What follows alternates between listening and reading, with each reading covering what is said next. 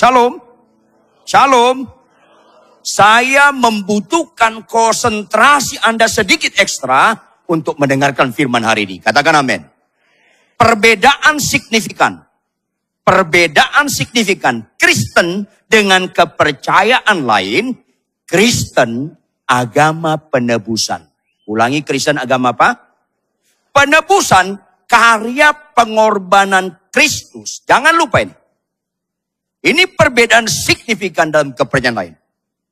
Maka, saudara yang kekasih, pendekatan kita kepada yang berkorban, jangan lagi tanya apa yang dia lakukan bagi kita. Tapi tanya pada diri kita, apa yang harus kita lakukan pada dia. Itu Kristen yang sehat dan benar. Jangan lagi tanya apa yang dia lakukan bagi kita. Karena ketika di kayu salib dia berkata, sudah selesai. Artinya bagian yang dia kerjakan demi keselamatan, kebahagiaan, damai sejahtera. Dan masa depan yang penuh dengan kepastian pengharapan. Sudah dilakukannya dengan sempurna. Yang setuju katakan amin. Tinggal bagian kita. Apa yang harus kita lakukan? Kalau ada seorang bapak-bapak ber korban menyelamatkan anak kita waktu kecil, nyemplung ke kolam renang, kemudian bapak ini spontan menolong, padahal bapak ini lupa dia nggak bisa berenang. Begitu dia tenggelam, dia paksa sampai di lantai kolam renang, dia dorong asal anak kita keluar dari kolam renang. Selamat anak kita. Walaupun anak kita nelan air cukup banyak, tapi selamat. Tapi bapak ini meninggal. Kritisi Bapak Ibu supaya Kristen kita sehat. Jangan nggak sehat. Kritisi. Ketika Bapak ini di rumah duka, istrinya menangis, anak-anaknya menangis. Jawab Bapak Ibu. Cocok nggak kita datangin rumah duka dan menuntut istrinya? Bu, bu, nggak usah nangis-nangis. Suami ibu agak terlambat nolong anak saya sehingga anak saya walaupun selamat nelan air dan masuk rumah sakit dua hari ganti dong biayanya. Kira-kira cocok nggak begitu? Yang keras, cocok nggak? Lebih keras, cocok nggak?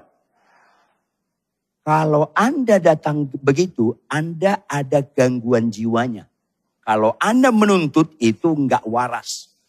Yang ada Anda berlutut depan istrinya yang sedang nangis, anak keluarganya bilang, luar biasa pengorbanan suami ibu. Dia mau mengorbankan nyawanya untuk anak saya. Apa yang harus saya lakukan untuk keluarga ibu? Walaupun, garis bawahi, walaupun gak mungkin membalas betapa luar biasa kebaikan suami ibu. Apa yang harus saya lakukan? Maka ibadah sejati dalam kekristenan yang sehat, catat baik-baik. Ibadah sejati dalam kekristenan yang sehat bukan datang supaya sembuh, bukan. Bukan datang supaya usaha kita maju. Bukan, bukan, bukan. Bukan datang supaya nggak punya jodoh dapat jodoh. Yang nggak punya menantu dapat menantu. Yang nggak punya anak dapat anak. Bukan, bukan, bukan, bukan. Halo, jangan anti kesembuhan. Katakan amin. Jangan anti mujizat. Katakan amin. Jangan anti berkat. Katakan amin. Tetapi bagi dia yang sudah berkorban segala-galanya kepada kita, ketika kita jahat, jangan ragukan itu. Maka pendekatan kita bukan itu, tetapi apa? Persembahkan tubuhmu sebagai persembahan yang hidup. Persembahkan artinya memberi, bukan menerima. Persembahkan tubuhmu sebagai persembahan hidup, yang kudus. Dan terakhir apa? Yang berkenan di mata dia. Apa yang terakhir? Yang keras? Yang berkenan di mata dia. Ulangi yang apa? Ya. Bahaya sekali orang ke gereja sekarang. Bagaimana sakit sembuh, miskin kaya. Tetapi menipu jalan terus. Ini kan menyakiti hati Tuhan ini melawan suami jalan terus. Ini kan menyakiti hati Tuhan ya orang. Jalan terus. Ini kan menyakiti hati Tuhan orang ini. Yang homoseks tetap homoseks, yang lesbian tetap lesbian, yang menggelapkan pajak tetap menggelapkan pajak, yang buka situs porno tetap buka situs porno, yang malas tetap malas. Ini kan main-main kekristenan seperti ini. Maka pendekatan kita kepada Tuhan adalah bagaimana kita melakukan sesuatu yang berkenan kepada dia. Sungguh besar pengorbananmu Kristus. Melampaui akal pikiran kita. Tak terselami. Berarti respon kita berikutnya, apa yang harus kulakukan untuk menyenangkan engkau? Yang setuju katakan amin. Yang setuju katakan amin.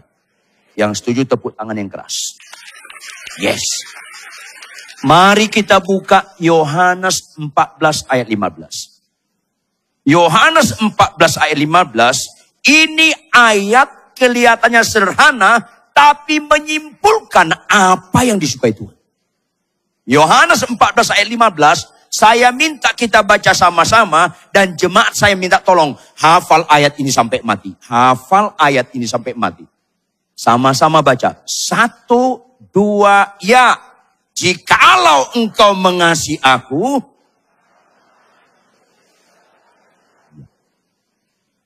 Jikalau engkau mengasihi aku, Catat baik-baik Bapak Ibu, anak-anak muda catat baik-baik supaya Anda mengerti apa yang berkenan kepada Allah, apa yang rohani menurut Kristen yang benar. Khotbah bagus itu diperlukan gereja. Tetapi khotbah bagus bukan ukuran rohani. Catat, catat, catat, catat, dan catat. Khotbah bagus diperlukan gereja. Tapi khotbah bagus itu bukan ukuran rohani.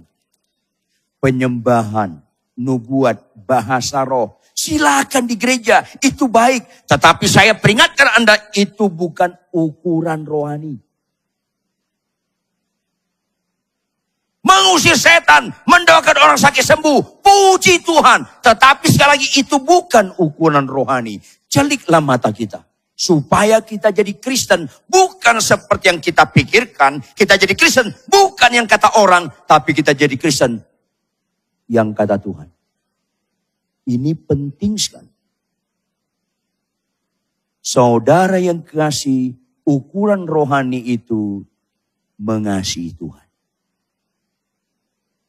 Jemaat Korintus banyak nubuat, bahasa roh, penyembahan, mujizat, khotbah, pengajaran, begitu hebat. Tetapi satu yang kurang membuat mereka kayak tong kosong nyaring bunyinya. Satu yang membuat mereka jadi tidak berguna Gak ada kasih. Gak ada kasih. Seorang pengkhotbah terkenal, bagus, jemaatnya banyak, mengkhianati perkawinan selesai di mata Tuhan. Selesai di mata Tuhan. Catat baik-baik, bersyukurlah Anda pagi hari ini mendengarkan firman Tuhan yang murni dan benar. Ini penting sekali. Ada karunia nabi, banyak mujizat, tetapi menggelapkan pajak. Selesai. Makanya kekristenan itu kelihatan di kelakuan yang disimpulkan kasih. Jikalau engkau mengasihi aku, halo, kekristenan itu identik dengan agama kasih. Jangan lupa.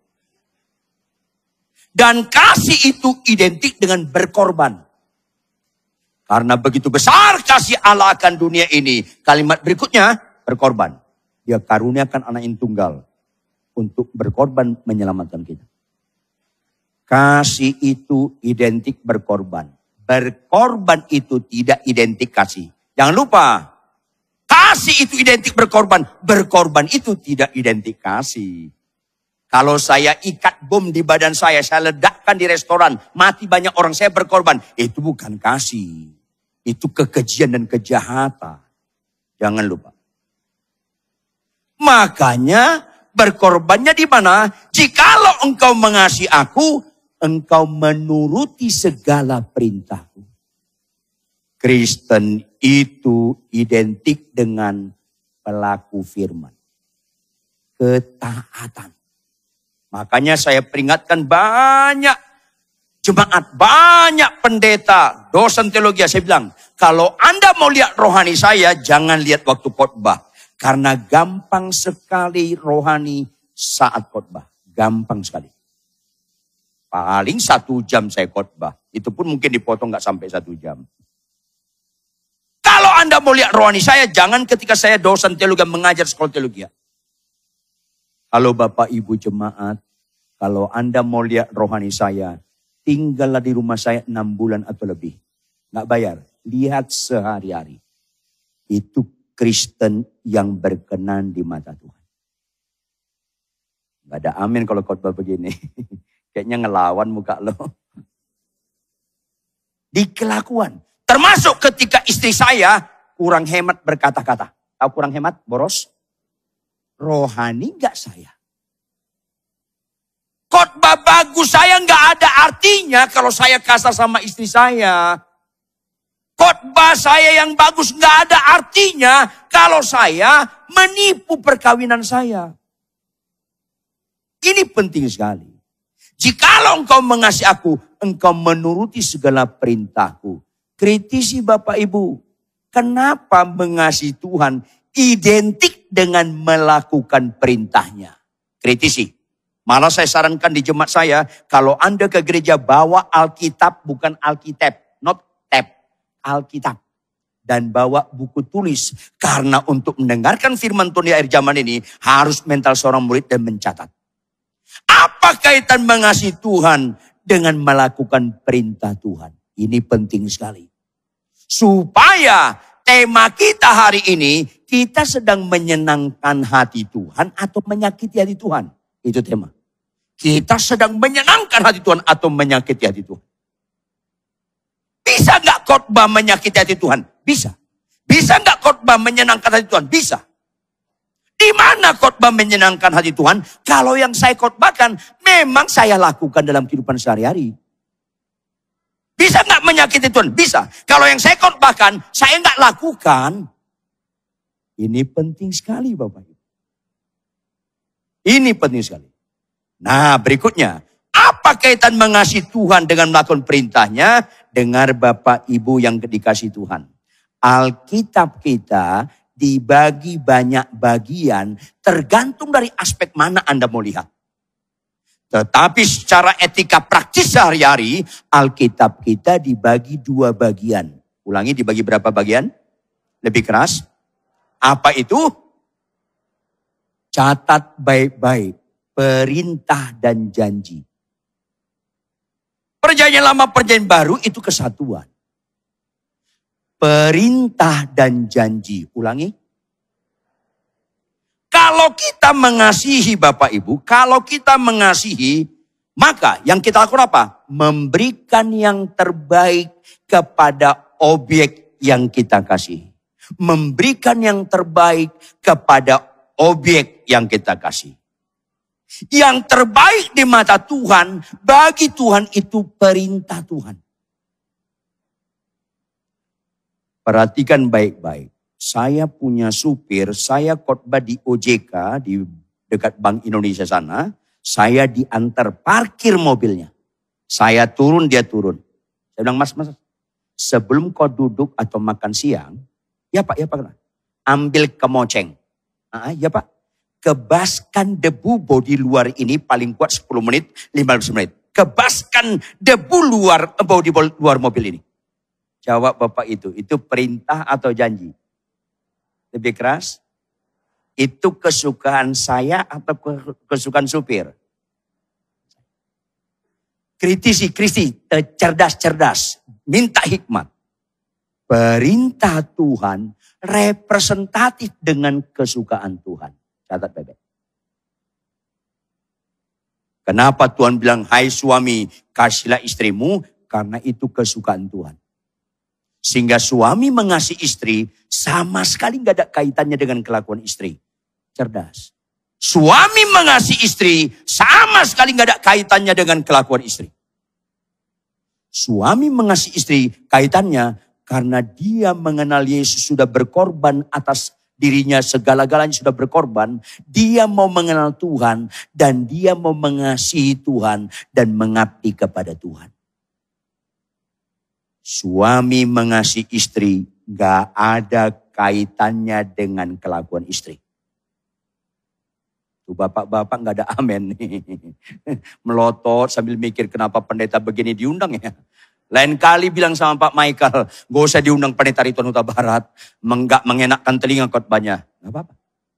Diundang aja pengkhotbah pengkhotbah yang enak-enak, khotbahnya supaya enak lu masuk nerakanya. Suami mengasihi istri nggak ada kaitannya dengan kelakuan istri. Karena yang perintah suami mengasihi istri itu Tuhan. Yang merintahkan itu kesukaannya. Yang berkenan kepada dia adalah ketaatan. Nggak ada lain. Ah, ibu-ibu lihat saya, ibu-ibu lihat saya. Ada nggak perintah Tuhan, hai istri, tanduklah suamimu. Kok suka cita sekali Anda? Ada nggak perintah Tuhan, hai istri, tunduklah kepada suamimu. Ada. Tapi banyak ibu bilang, Pak Pendeta bagaimana saya tunduk kepada suamiku? Maksudnya apa? Suamiku kasar. Bu, istri tunduk kepada suami nggak ada kaitannya dengan kelakuan suami. Loh kalau suamiku kasar? Bu, ucapan itu menunjukkan kau nggak mengerti arti Yesus Tuhan. Arti Yesus Tuhan, kau tunduk kepada Tuhanmu. Yesus Tuhan, dia menebus engkau, dia Kristus, dia Mesias. Menebus engkau sehingga engkau bukan kepunyaanmu sendiri, kepunyaan Allah. Kalau kau tunduk kepada suami, tergantung kelakuan suamimu, berarti bisa kau korbankan ketaatanmu kepada Tuhan yang berbobot menyatakan dia Tuhan dengan tidak taat. Makanya nggak banyak orang bertuhankan Yesus. Walaupun khotbahnya bagus, walaupun jemaatnya banyak, walaupun banyak mujizat. Nggak banyak orang bertuhankan Yesus. Karena bertuhankan Yesus hanya dalam ketaatan. Khotbah yang bagus belum tentu bertuhankan Yesus. Kenapa aku taat mengasihi istriku? Karena aku tunduk pada dia. Karena aku mengakui dia menebus jiwaku. Aku tebusan dia. Dia benar-benar yang memiliki hidupku. Ini penting sekali. Maka perintah Tuhan itu kesukaan Tuhan. Perintah saya kesukaan saya. Selesai saya khotbah, satu setengah jam saya di gedung itu, saya keluar. Begitu saya dekat mobil, supir saya lari-lari, bukain mobil. Saya lihat mobilnya bersih. Halo, perhatikan baik-baik. Saya lihat mobilnya bersih. Saya masuk, saya duduk, dia nyalakan mesin, jalan, saya bilang. Saya lihat ini mobil kau bersihkan tadi. Iya Pak, iya Pak. Catat baik-baik. Kalau kau lakukan ini konsisten sepanjang tahun ini, kalau kau lakukan, tahun depan gajimu naik dua kali lipat. Itu perintah atau janji yang keras. Itu kesukaan saya atau kesukaan supir. Catat baik-baik. Perintah Tuhan, kesukaan Tuhan, janji Tuhan, kesukaan manusia. Kalau di mimbar ini khotbahnya janjiannya Tuhan, maka Tuhan beribadah pada manusia. Lama-lama gereja itu sesat. Catat baik-baik dong. Catat baik-baik dong. Karena kita harus yang berkenan kepada dia itu ibadah sejati. Yang berkenan kepada dia itu ibadah sejati. Taat melakukan firman itu berkenan kepada dia. Tetapi kalau khotbah-khotbah yang sakit sembuh, yang gak punya rumah dapat rumah, Tuhan yang beribadah kepada Anda. Dan itu bukan Kristen yang benar. Catat baik-baik. Jangan ragu, siapa yang sakit di sini, Tuhan bisa menyembuhkan Anda. Tetapi nggak ada artinya itu kalau engkau tidak taat pada dia. Ini penting sekali supaya dibenahi ibadah Kristen yang benar. Tetapi banyak orang beberapa kali khotbah saya di kota-kota besar di Indonesia ini, bahkan di beberapa negara di dunia ini, rata-rata orang beribadah bagaimana yang kusukai dilakukan Tuhan. Halo, Tuhan mau beribadah kepada Anda. Itu lama-lama menyesatkan. Akhirnya banyak orang Kristen aktivis gereja. Itu yang pernah saya katakan di sini ikut penyembahan. Jadi singers menyembah gemetar-gemetar. Tapi kelakuan gak berubah. Menyembah gemetar-gemetar. Pulang ibadah naik motor lawan arah. Orang lain gemetar sama dia. Ini kan kesurupan. Dan pura-pura gak nyambung. Jangan pura-pura gak nyambung. Ini yang terjadi sekarang banyak orang gereja. Cerai, kawin cerai, nyeleweng, berzina. Dan saya baru belakangan ini mendengar orang bagus khotbahnya. Tapi rupanya kejebak ketahuan homoseks. Ada apa ini Kristen? Karena kita sering kali bagus khotbah, bagus penyembahan, nggak bagus di kelakuan. Tetapi tadi WL tadi bagus tuh, hidup dalam kekudusan. Kalau orang hidup dalam kekudusan, maka Allah menunjukkan Allah dahsyat di tempat kudusnya. Tepuk tangan yang keras. Yes. Makanya tampilkan operator. Matius 7 ayat 21 sampai 23. Matius 7 ayat 21 sampai 23. Ini Alkitab pasti digenapi. Enggak mungkin ada Alkitab tidak tergenapi. Bukan setiap orang yang berseru kepadaku, Tuhan, Tuhan akan masuk dalam kerajaan surga. Bukan. Entah uh, berserunya dalam mujizat, entah berserunya dalam penyembahan, penyembahan, entah berserunya dalam khotbah. Bukan setiap orang. Kata setiap orang berarti tidak ada pengecualian. Tidak ada pengecualian. Bukan setiap orang. Melainkan apa sama-sama kita baca Bapak Ibu. Melainkan apa? Satu, dua, iya. Melainkan dia yang pelaku firman. Ulangi lebih keras apa? Pelaku firman. Ulangi lebih keras apa? Lebih keras lagi? Yes.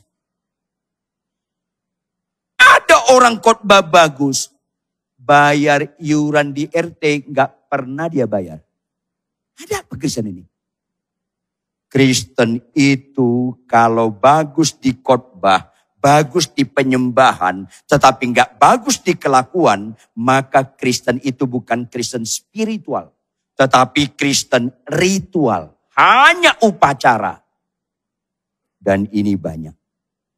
Bahaya sekali Kristen upacara. Apa Kristen upacara? khotbah bagus, mimpin pujian bagus, main musik bagus, jadi aser bagus. Tapi kehidupan sehari-hari gak bagus. Itu Kristen upacara. Ritual. Tetapi kalau Anda gak pernah khotbah sampai mati, gak ada masalah. Karena gak semua orang percaya bisa khotbah. Sampai mati Anda gak bisa bernubuat, gak ada masalah. Karena tidak semua orang Kristen bisa bernubuat. Tetapi dalam kehidupan sehari-hari, anda mengasihi istrimu, Anda tunduk pada suamimu, Anda setia dalam perkawinan, Anda tidak mau korupsi, menjauhkan namanya perjinahan, hal-hal yang najis, tidak main-main dalam penipuan. Itu Kristen spiritual. Aminnya sedikit. Amin berikutnya itu enggak spontan, latah. Ini penting sekali. Karena apa? Karena banyak orang Kristen Ritual ayat 22. Tampilkan ayat 22. Ini dia. Pada hari terakhir banyak orang akan berseru kepadaku. Kalau Alkitab berkata banyak orang jemaat, itu tidak relatif. Benar-benar banyak. Banyak orang akan berseru kepadaku, Tuhan, Tuhan, bukankah kami bernubuat demi namamu dan mengusir setan demi namamu dan melakukan banyak mujizat demi namamu juga yang seolah-olah ukuran rohani. Padahalnya bobotnya ritual doang. Karena mereka tidak melakukan ayat 21 tadi, melakukan kehendak Bapa ke surga, dan itu statusnya banyak. Apa yang terjadi ayat 23? Sama-sama baca kita ayat 23. Satu, dua, ya. Pada waktu itulah Aku tidak pernah mengenal kamu. Enyalah kamu sekalian pembuat kejahatan. Mengerikan gak? Ini Alkitab, khotbahlah jujur walaupun gak diundang lagi. Khotbahlah kebenaran. Akhirnya Kristen bagus di gereja, gak bagus di kantor. Bagus di gereja, gak bagus di rumah tangga. Ada apa Kristen ini? Padahal kalau dia benar-benar beribadah, pasti benar kelakuannya, pasti benar perkawinannya, pasti benar kehidupannya. Itu Kristen yang benar. Dasarnya apa? Buka 1 Yohanes 5 ayat 1 sampai 5. 1 Yohanes 5 ayat 1 sampai 5. Ini penting sekali Bapak Ibu jemaat sekalian. Perhatikan 1 Yohanes 5 ayat 1 sampai 5. Saya baca ayat yang ganjil, Bapak Ibu baca ayat yang genap, ayat 5 ayat terakhir kita bersama-sama. Yaitu di bawah judul perikop, iman mengalahkan dunia. Ini yang menyenangkan hati Tuhan. Saya baca S1, setiap orang yang percaya bahwa Yesus adalah Kristus, lahir dari Allah. Dan setiap orang yang mengasihi dia, yang melahirkan, mengasihi juga dia yang lahir daripadanya. Lanjut.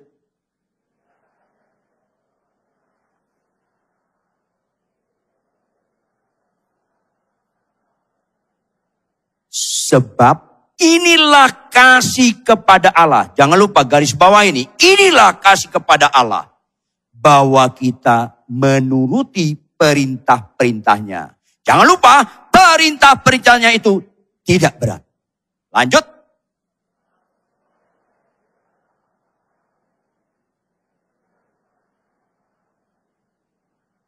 Sama-sama. Siapakah yang mengalahkan dunia selain daripada dia yang percaya bahwa Yesus adalah anak Allah? Ini penting sekali Bapak Ibu. Jangan lupa, perintah Tuhan suami mengasihi istri, istri tunduk pada suami, anak-anak menghormati orang tua, balaslah kejahatan dengan kebaikan. Tidak berat. Beratnya di mana? Di mindset. Halo Bapak Ibu, kenapa? Perintah Tuhan identik dengan kebenaran. Perlakuan kita kepada yang benar nggak berat. Perlakuan kita kepada yang salah pasti berat. Itu Kristen yang waras. Maafkan saya Bapak Ibu, saya buat analogi yang sederhana. Dan analogi ini kira-kira bicara keras buat kita semua. Bahwa perintah itu tidak berat. Perhatikan. Lihat kaki Anda paling bawah. Kaki Anda bukan saya, saya bukan kaki Anda. Udah? Bapak Ibu jawab. Pakai sepatu, pakai sendal? Oke. Jawab. Anda pakai sepatu atau sendal? Jujur. Yang kanan di kanan enggak? Yang kiri di kiri enggak? Benar enggak? Tertekan enggak Anda pakai yang benar? Enggak. Ini analogi yang sederhana. Tertekan nggak Anda kalau suami Anda atau istri Anda Bapak Ibu? Ketika Anda berangkat dari rumah, jangan pakai kanan di kanan, kanan kiri, kiri ke kanan. Pakai sepatu dengan salah. Tertekan nggak Anda? Yang keras jawab. Lebih keras lagi. Seharusnya Kristen yang benar, berbohong itu tertekan. Jujur itu senang. Catat bebek. Seharusnya orang Kristen berzina itu menderita. Hidup dalam kesucian hidup itu ringan dan indah. Itu Kristen yang waras. Bersyukurlah Anda sebelum meninggal dengar khotbah seperti ini. Supaya kalau tahun depan Anda meninggal agak beres hidup Anda. Ketawa Anda mengandung kepedihan nih. Seandainya saya selesai khotbah, saya akan ke ruang pendeta. Tiba-tiba Anda bubar, ada ibu-ibu ketok ruang pendeta. Pengurus memberikan waktu untuk ibu ini bicara. Saya bilang, ibu ini kayaknya muka sangatnya berat. Ada apa ibu? Pak Pendeta, saya mau ngobrol sebentar. Ya ibu, ya. Tadi saya dari rumah Pak Pendeta. Mau pakai sepatu yang kanan di kiri. Yang kiri di kanan. Ditegur suami saya Pak Pendeta. Disuruh kanan di kanan kiri. Saya nggak mau. Saya mau pakai kanan ke kiri, kiri ke kanan. Tetap ditegur. Akhirnya saya pakai kanan di kanan, kiri di kiri. Tertekan sekali saya. Dalam hati saya bilang apa? Ini orang gangguan jiwa ini. Kalau tertekan pakai sepatu yang benar, dia gangguan jiwa. Dengar dong bapak-bapak. Kalau Anda tertekan jadi suami yang benar, lu gangguan jiwa. Dengar dong baik-baik. Bersyukurlah Anda sebelum meninggal dengar firman seperti ini. Ibu-ibu lihat saya. Kalau Anda tertekan tunduk pada suami, Anda masih gangguan jiwa. Anak-anak muda lihat saya. Kalau Anda tertekan melawan orang tua, Anda masih belum waras. Ini bicara Kristen yang benar. Puji Tuhan sakitmu sembuh, puji Tuhan sakitmu nggak sembuh. Karena kesembuhan hanya boleh dalam kekristenan awal. Kalau saya khotbah di Madura, saya khotbah di Aceh, saya khotbah Sumatera Barat, komunitas bukan Kristen, saya khotbah tentang mujizat. Why? Karena orang belum percaya, rohaninya mati, mata rohaninya masih buta. Dia membutuhkan mata jasmani melihat yang kelihatan sebagai jembatan untuk percaya. Lumpuh berjalan kan kelihatan. Buta celik kan kelihatan. Kusta sembuh kan kelihatan. Tapi setelah bertobat lahir baru, jangan lagi fokus yang kelihatan. Fokus buah roh, yaitu kelakuan yang berubah, karakter yang berubah, sopan, jujur, rendah hati. Itu Kristen yang benar Bapak Ibu. Walaupun Anda nggak bisa khotbah, walaupun Anda nggak bisa bahasa roh, walaupun Anda nggak berdoakan orang lumpuh berjalan. Tapi kelakuan berubah, karakter berubah, nggak suka yang salah, tertekan terhadap yang salah. Lega sekali terhadap kebenaran. Itu Kristen yang waras. Jadi perhatikan baik-baik 2 Korintus 4 ayat 18. Tampilkan operator. 2 Korintus 4 ayat 18. Sama-sama kita baca 2 Korintus 4 ayat 18. Satu, dua, ya. Sebab kami tidak memperhatikan yang melainkan. Karena apa Bapak Ibu? Yang kelihatan itu sementara. Lumpuh berjalan sementara, sakit sembuh sementara. Ketika ada ibu-ibu datang ke saya, salam parituan, salam ibu, ibu, bapak ingat saya, lupa saya. Lima tahun yang lalu saya rumah sakit Darmais, umur saya paling kata dokter dua tiga bulan lagi karena saya kanker parah. Oke, terus Bapak datang melayani saya dan saya bertobat lahir baru. Kemudian Bapak doakan, Tuhan kalau kau menyembuhkan disembuhkanlah dia. Dan saya sudah sembuh Pak Pendeta. Yang benar Bu, iya Pak Pendeta. Kapan kejadiannya? Lima tahun yang lalu. Oke, kapan periksa terakhir? Enam bulan yang lalu. Hasilnya saya sudah bersih dari kanker. Saya bilang Pak, puji Tuhan, ibu sudah sembuh. Tapi jangan lupa ibu, ibu tetap bisa mati lagi. Kok gitu? Bukan kok gitu, memang gitu. Loh maksudnya? Gak mungkin ibu gak mati-mati, tetap mati. Eh nyambung gak? Karena kesembuhan gak ada unsur kekekalan. Pertobatan ada unsur kekekalan. Tepuk tangan yang keras. Yes. Makanya Alkitab berkata, jika satu orang saja bertobat, seisi surga bersorak-sorai. Kalau ada di depan ini lumpuh berjalan, sukacita enggak surga? Enggak. Catat dong, enggak.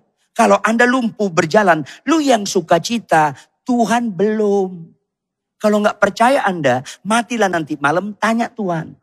Pasti benar yang saya ucapkan ini. Yang sukacita loh.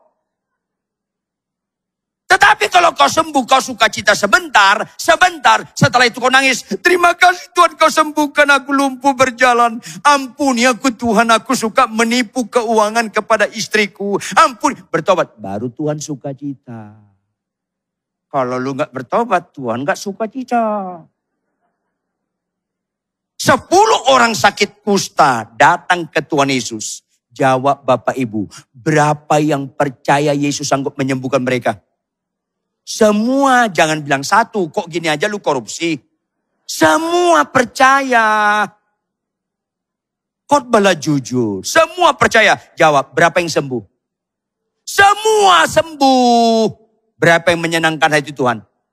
Kenapa? Karena Tuhan tidak pernah meletakkan sukacitanya di kesembuhan. Nggak pernah. Saya ulangi, nggak pernah. Saya ulangi, nggak pernah.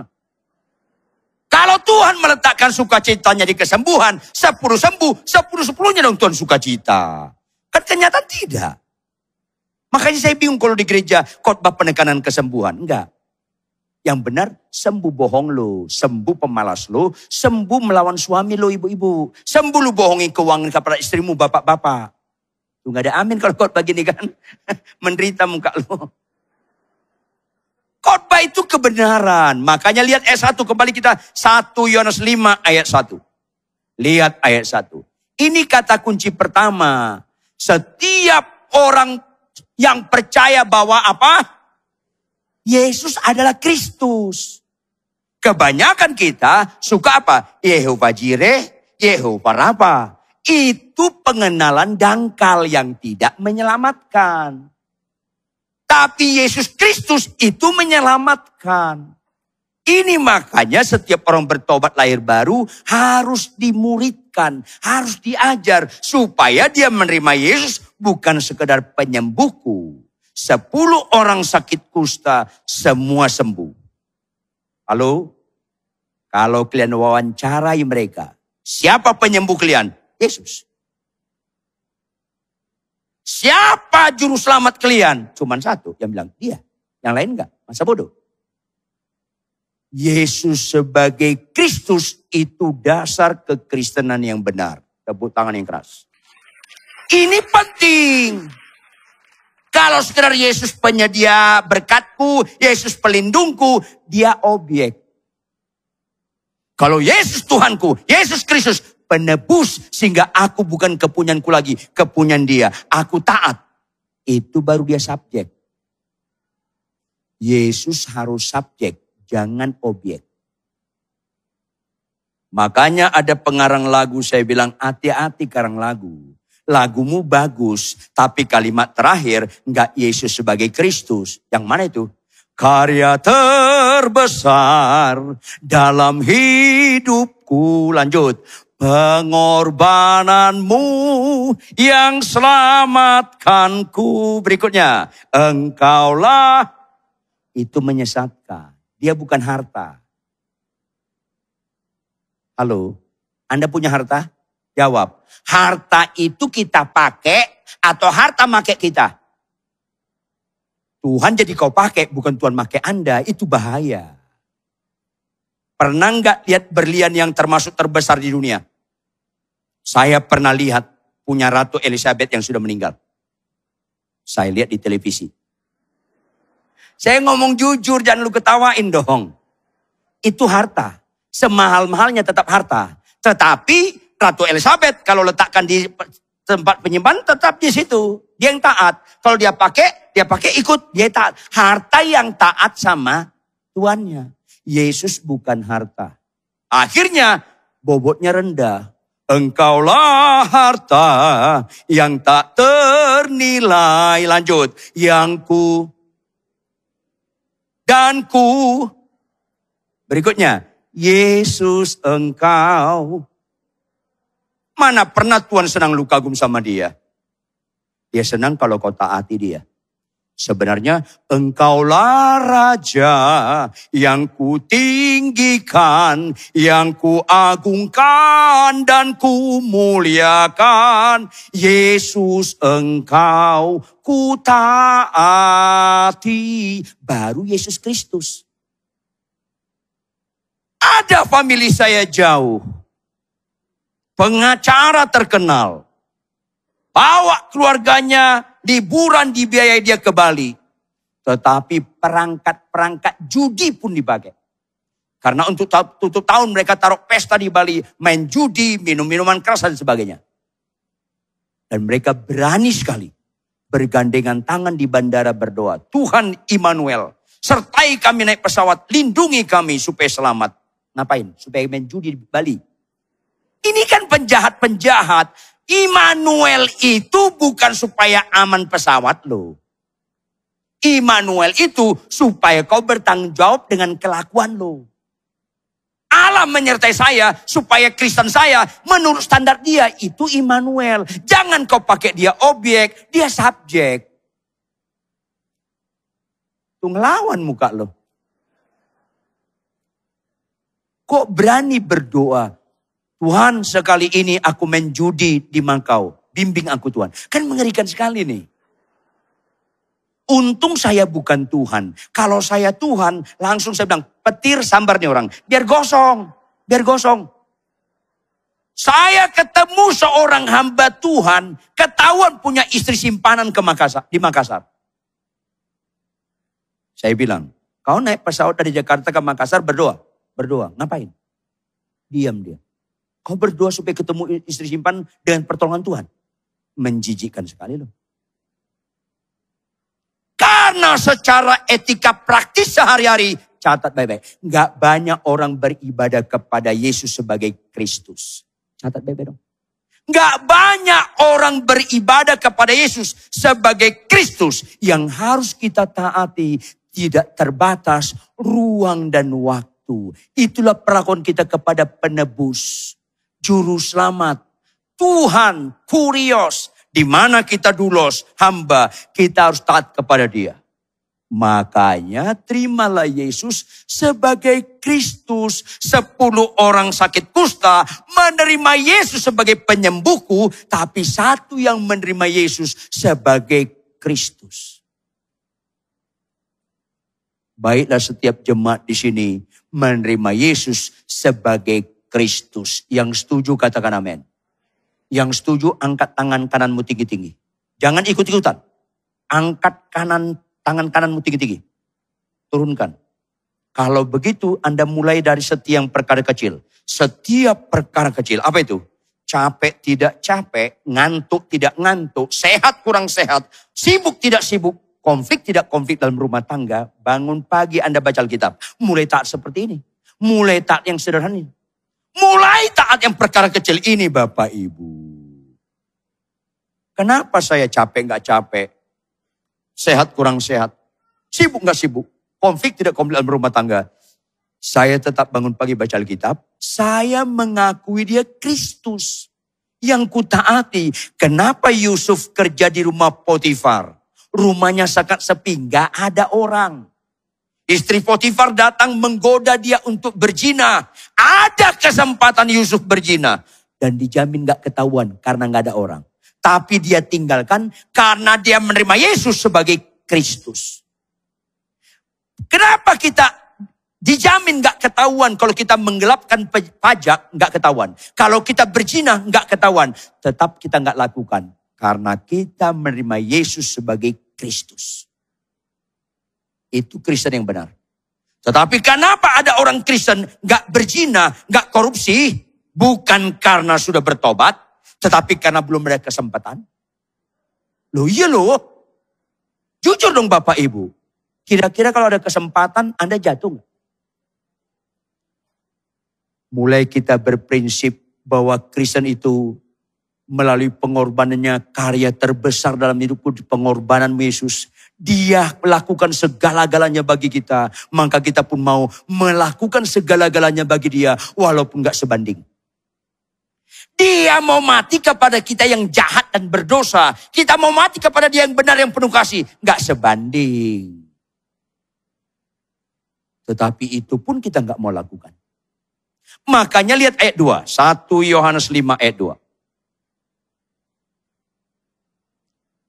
Inilah tandanya bahwa kita mengasihi anak-anak Allah. Yaitu apabila kita mengasihi Allah serta taat. Taat. Perintah-perintah itu identik dengan kesukaan Tuhan. Kenapa mobil kita dipepet, kita rem biar dia duluan? Karena kita taat. Karena kita menerima Yesus sebagai Kristus. Kenapa mobil kita dipepet, kita pepet balik? Dipepet lagi, kita pepet balik lagi.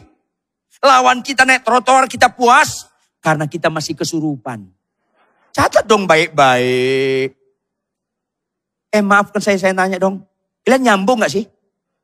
Nyambung dong orang anda yang saya maksud ya nyambung dong. Jangan pura-pura gak nyambung lah. Kenapa istri kita marah-marah? Kita gak mau buka mulut bapak-bapak? Karena kita cerdas. Hanya orang bodoh, jangan pura-pura gak dengar khotbah ini. Hanya orang bodoh, istri marah-marah, kita balik marah. Hanya orang bodoh, jangan pura-pura gak dengar. Hanya orang bodoh. Saya ulangi, orang bodoh. Perempuan kalau marah, nalarnya tumpul. Ketawa siapa itu keras banget.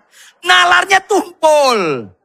dikuasai emosi. Kalau kau jelaskan, itu kayak lempar bola tenis ke dinding, balik lagi tuh. Capek, pekerjaan yang sia-sia, istri emosi, kita emosi. Itu sia-sia bodoh. Kenapa istri kita marah-marah, kita tatap dan kita senyum sambil ngomong dalam hati sama Tuhan Immanuel yang menyertai kita. Kita bilang, Tuhan, energik banget istriku sehat dia, sehat. Karena kita waras. Gak usah ketawa, bertobat aja loh. Kenapa dia marah tetap kita nggak mau buka mulut? Karena kita waras. Makanya saya bilang kalau Anda mau lihat rohani saya, jangan waktu khotbah. Gampang sekali rohani waktu khotbah. Kalau Anda mau lihat rohani saya, tinggal di rumah saya 6 bulan atau lebih. Nggak bayar, saya percayalah, nggak bayar. Tinggal aja di rumah saya. Ini penting sekali. Kenapa? Orang bisa kita bohongi. Tuhan mana bisa kita bohongi? Catat dong baik-baik. Kenapa istri kita marah tetap kita diam? Karena kematangan otaknya well done. Gak nyambung, kau jelaskan gak nyambung. Kenapa dia tetap marah? Kita bilang, Tuhan cocok banget aku sama nih orang. Kau kirimkan dia menjadi pahat yang tajam untuk mengukir saya. Lanjutkan Tuhan. Ya karena kita waras. Kenapa istri kita marah? Tetap kita nggak mau buka mulut. Biar dia solo karir, kita nggak mau duet. Itu keren. Gak usah ketawa, bertobat aja lah. Supaya Kristen kita menerima Yesus sebagai Kristus. Itu yang menyelamatkan. Kalau menerima sebagai penyembuh, tapi kelakuan buruk tetap, tetap berzina, tetap menipu, sama aja lu melemparkan kotoran ke salib Kristus. Saya ulangi, bersyukurlah Anda sebelum meninggal dengar khotbah seperti ini. Katakan amin. Tepuk tangan.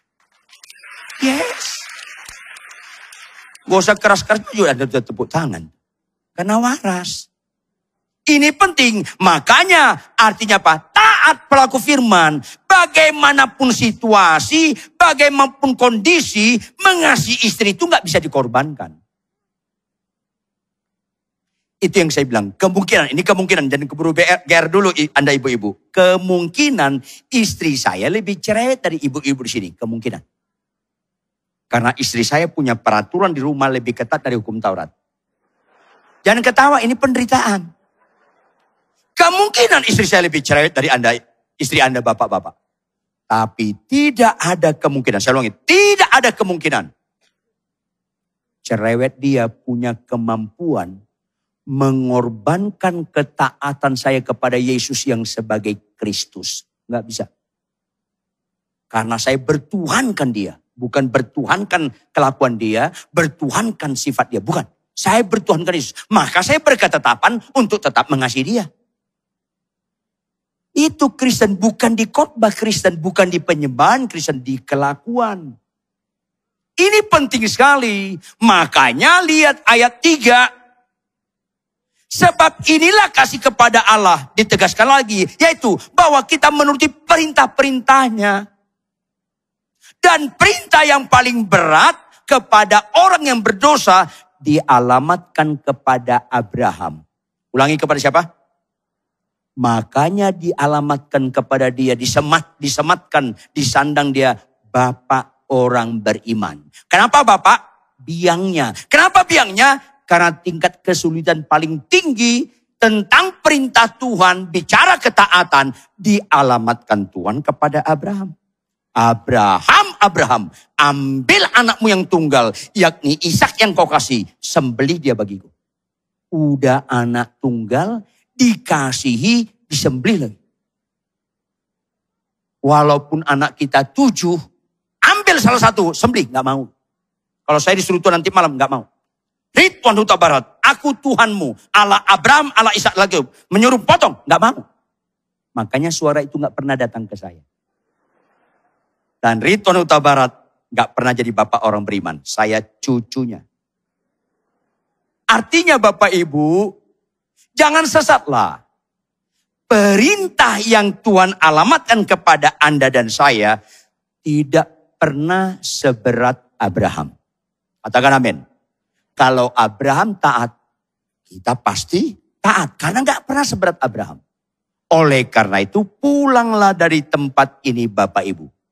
Bangunlah kekristenan yang benar. Jangan ragu Tuhan bisa menyembuhkan engkau. Jangan ragu Tuhan akan memberkati engkau dalam ekonomi. Tapi itu bukan ukuran rohani. Lebih berani kita nggak ragu. Melalui firman ini kita dirubah. Bapak-bapak semakin mengasihi istri. Istri semakin tunduk pada suami. Anak-anak makin menghormati orang tua. Kita semua makin menjauhi perjinahan, kenajisan, menipu, menggelapkan pajak.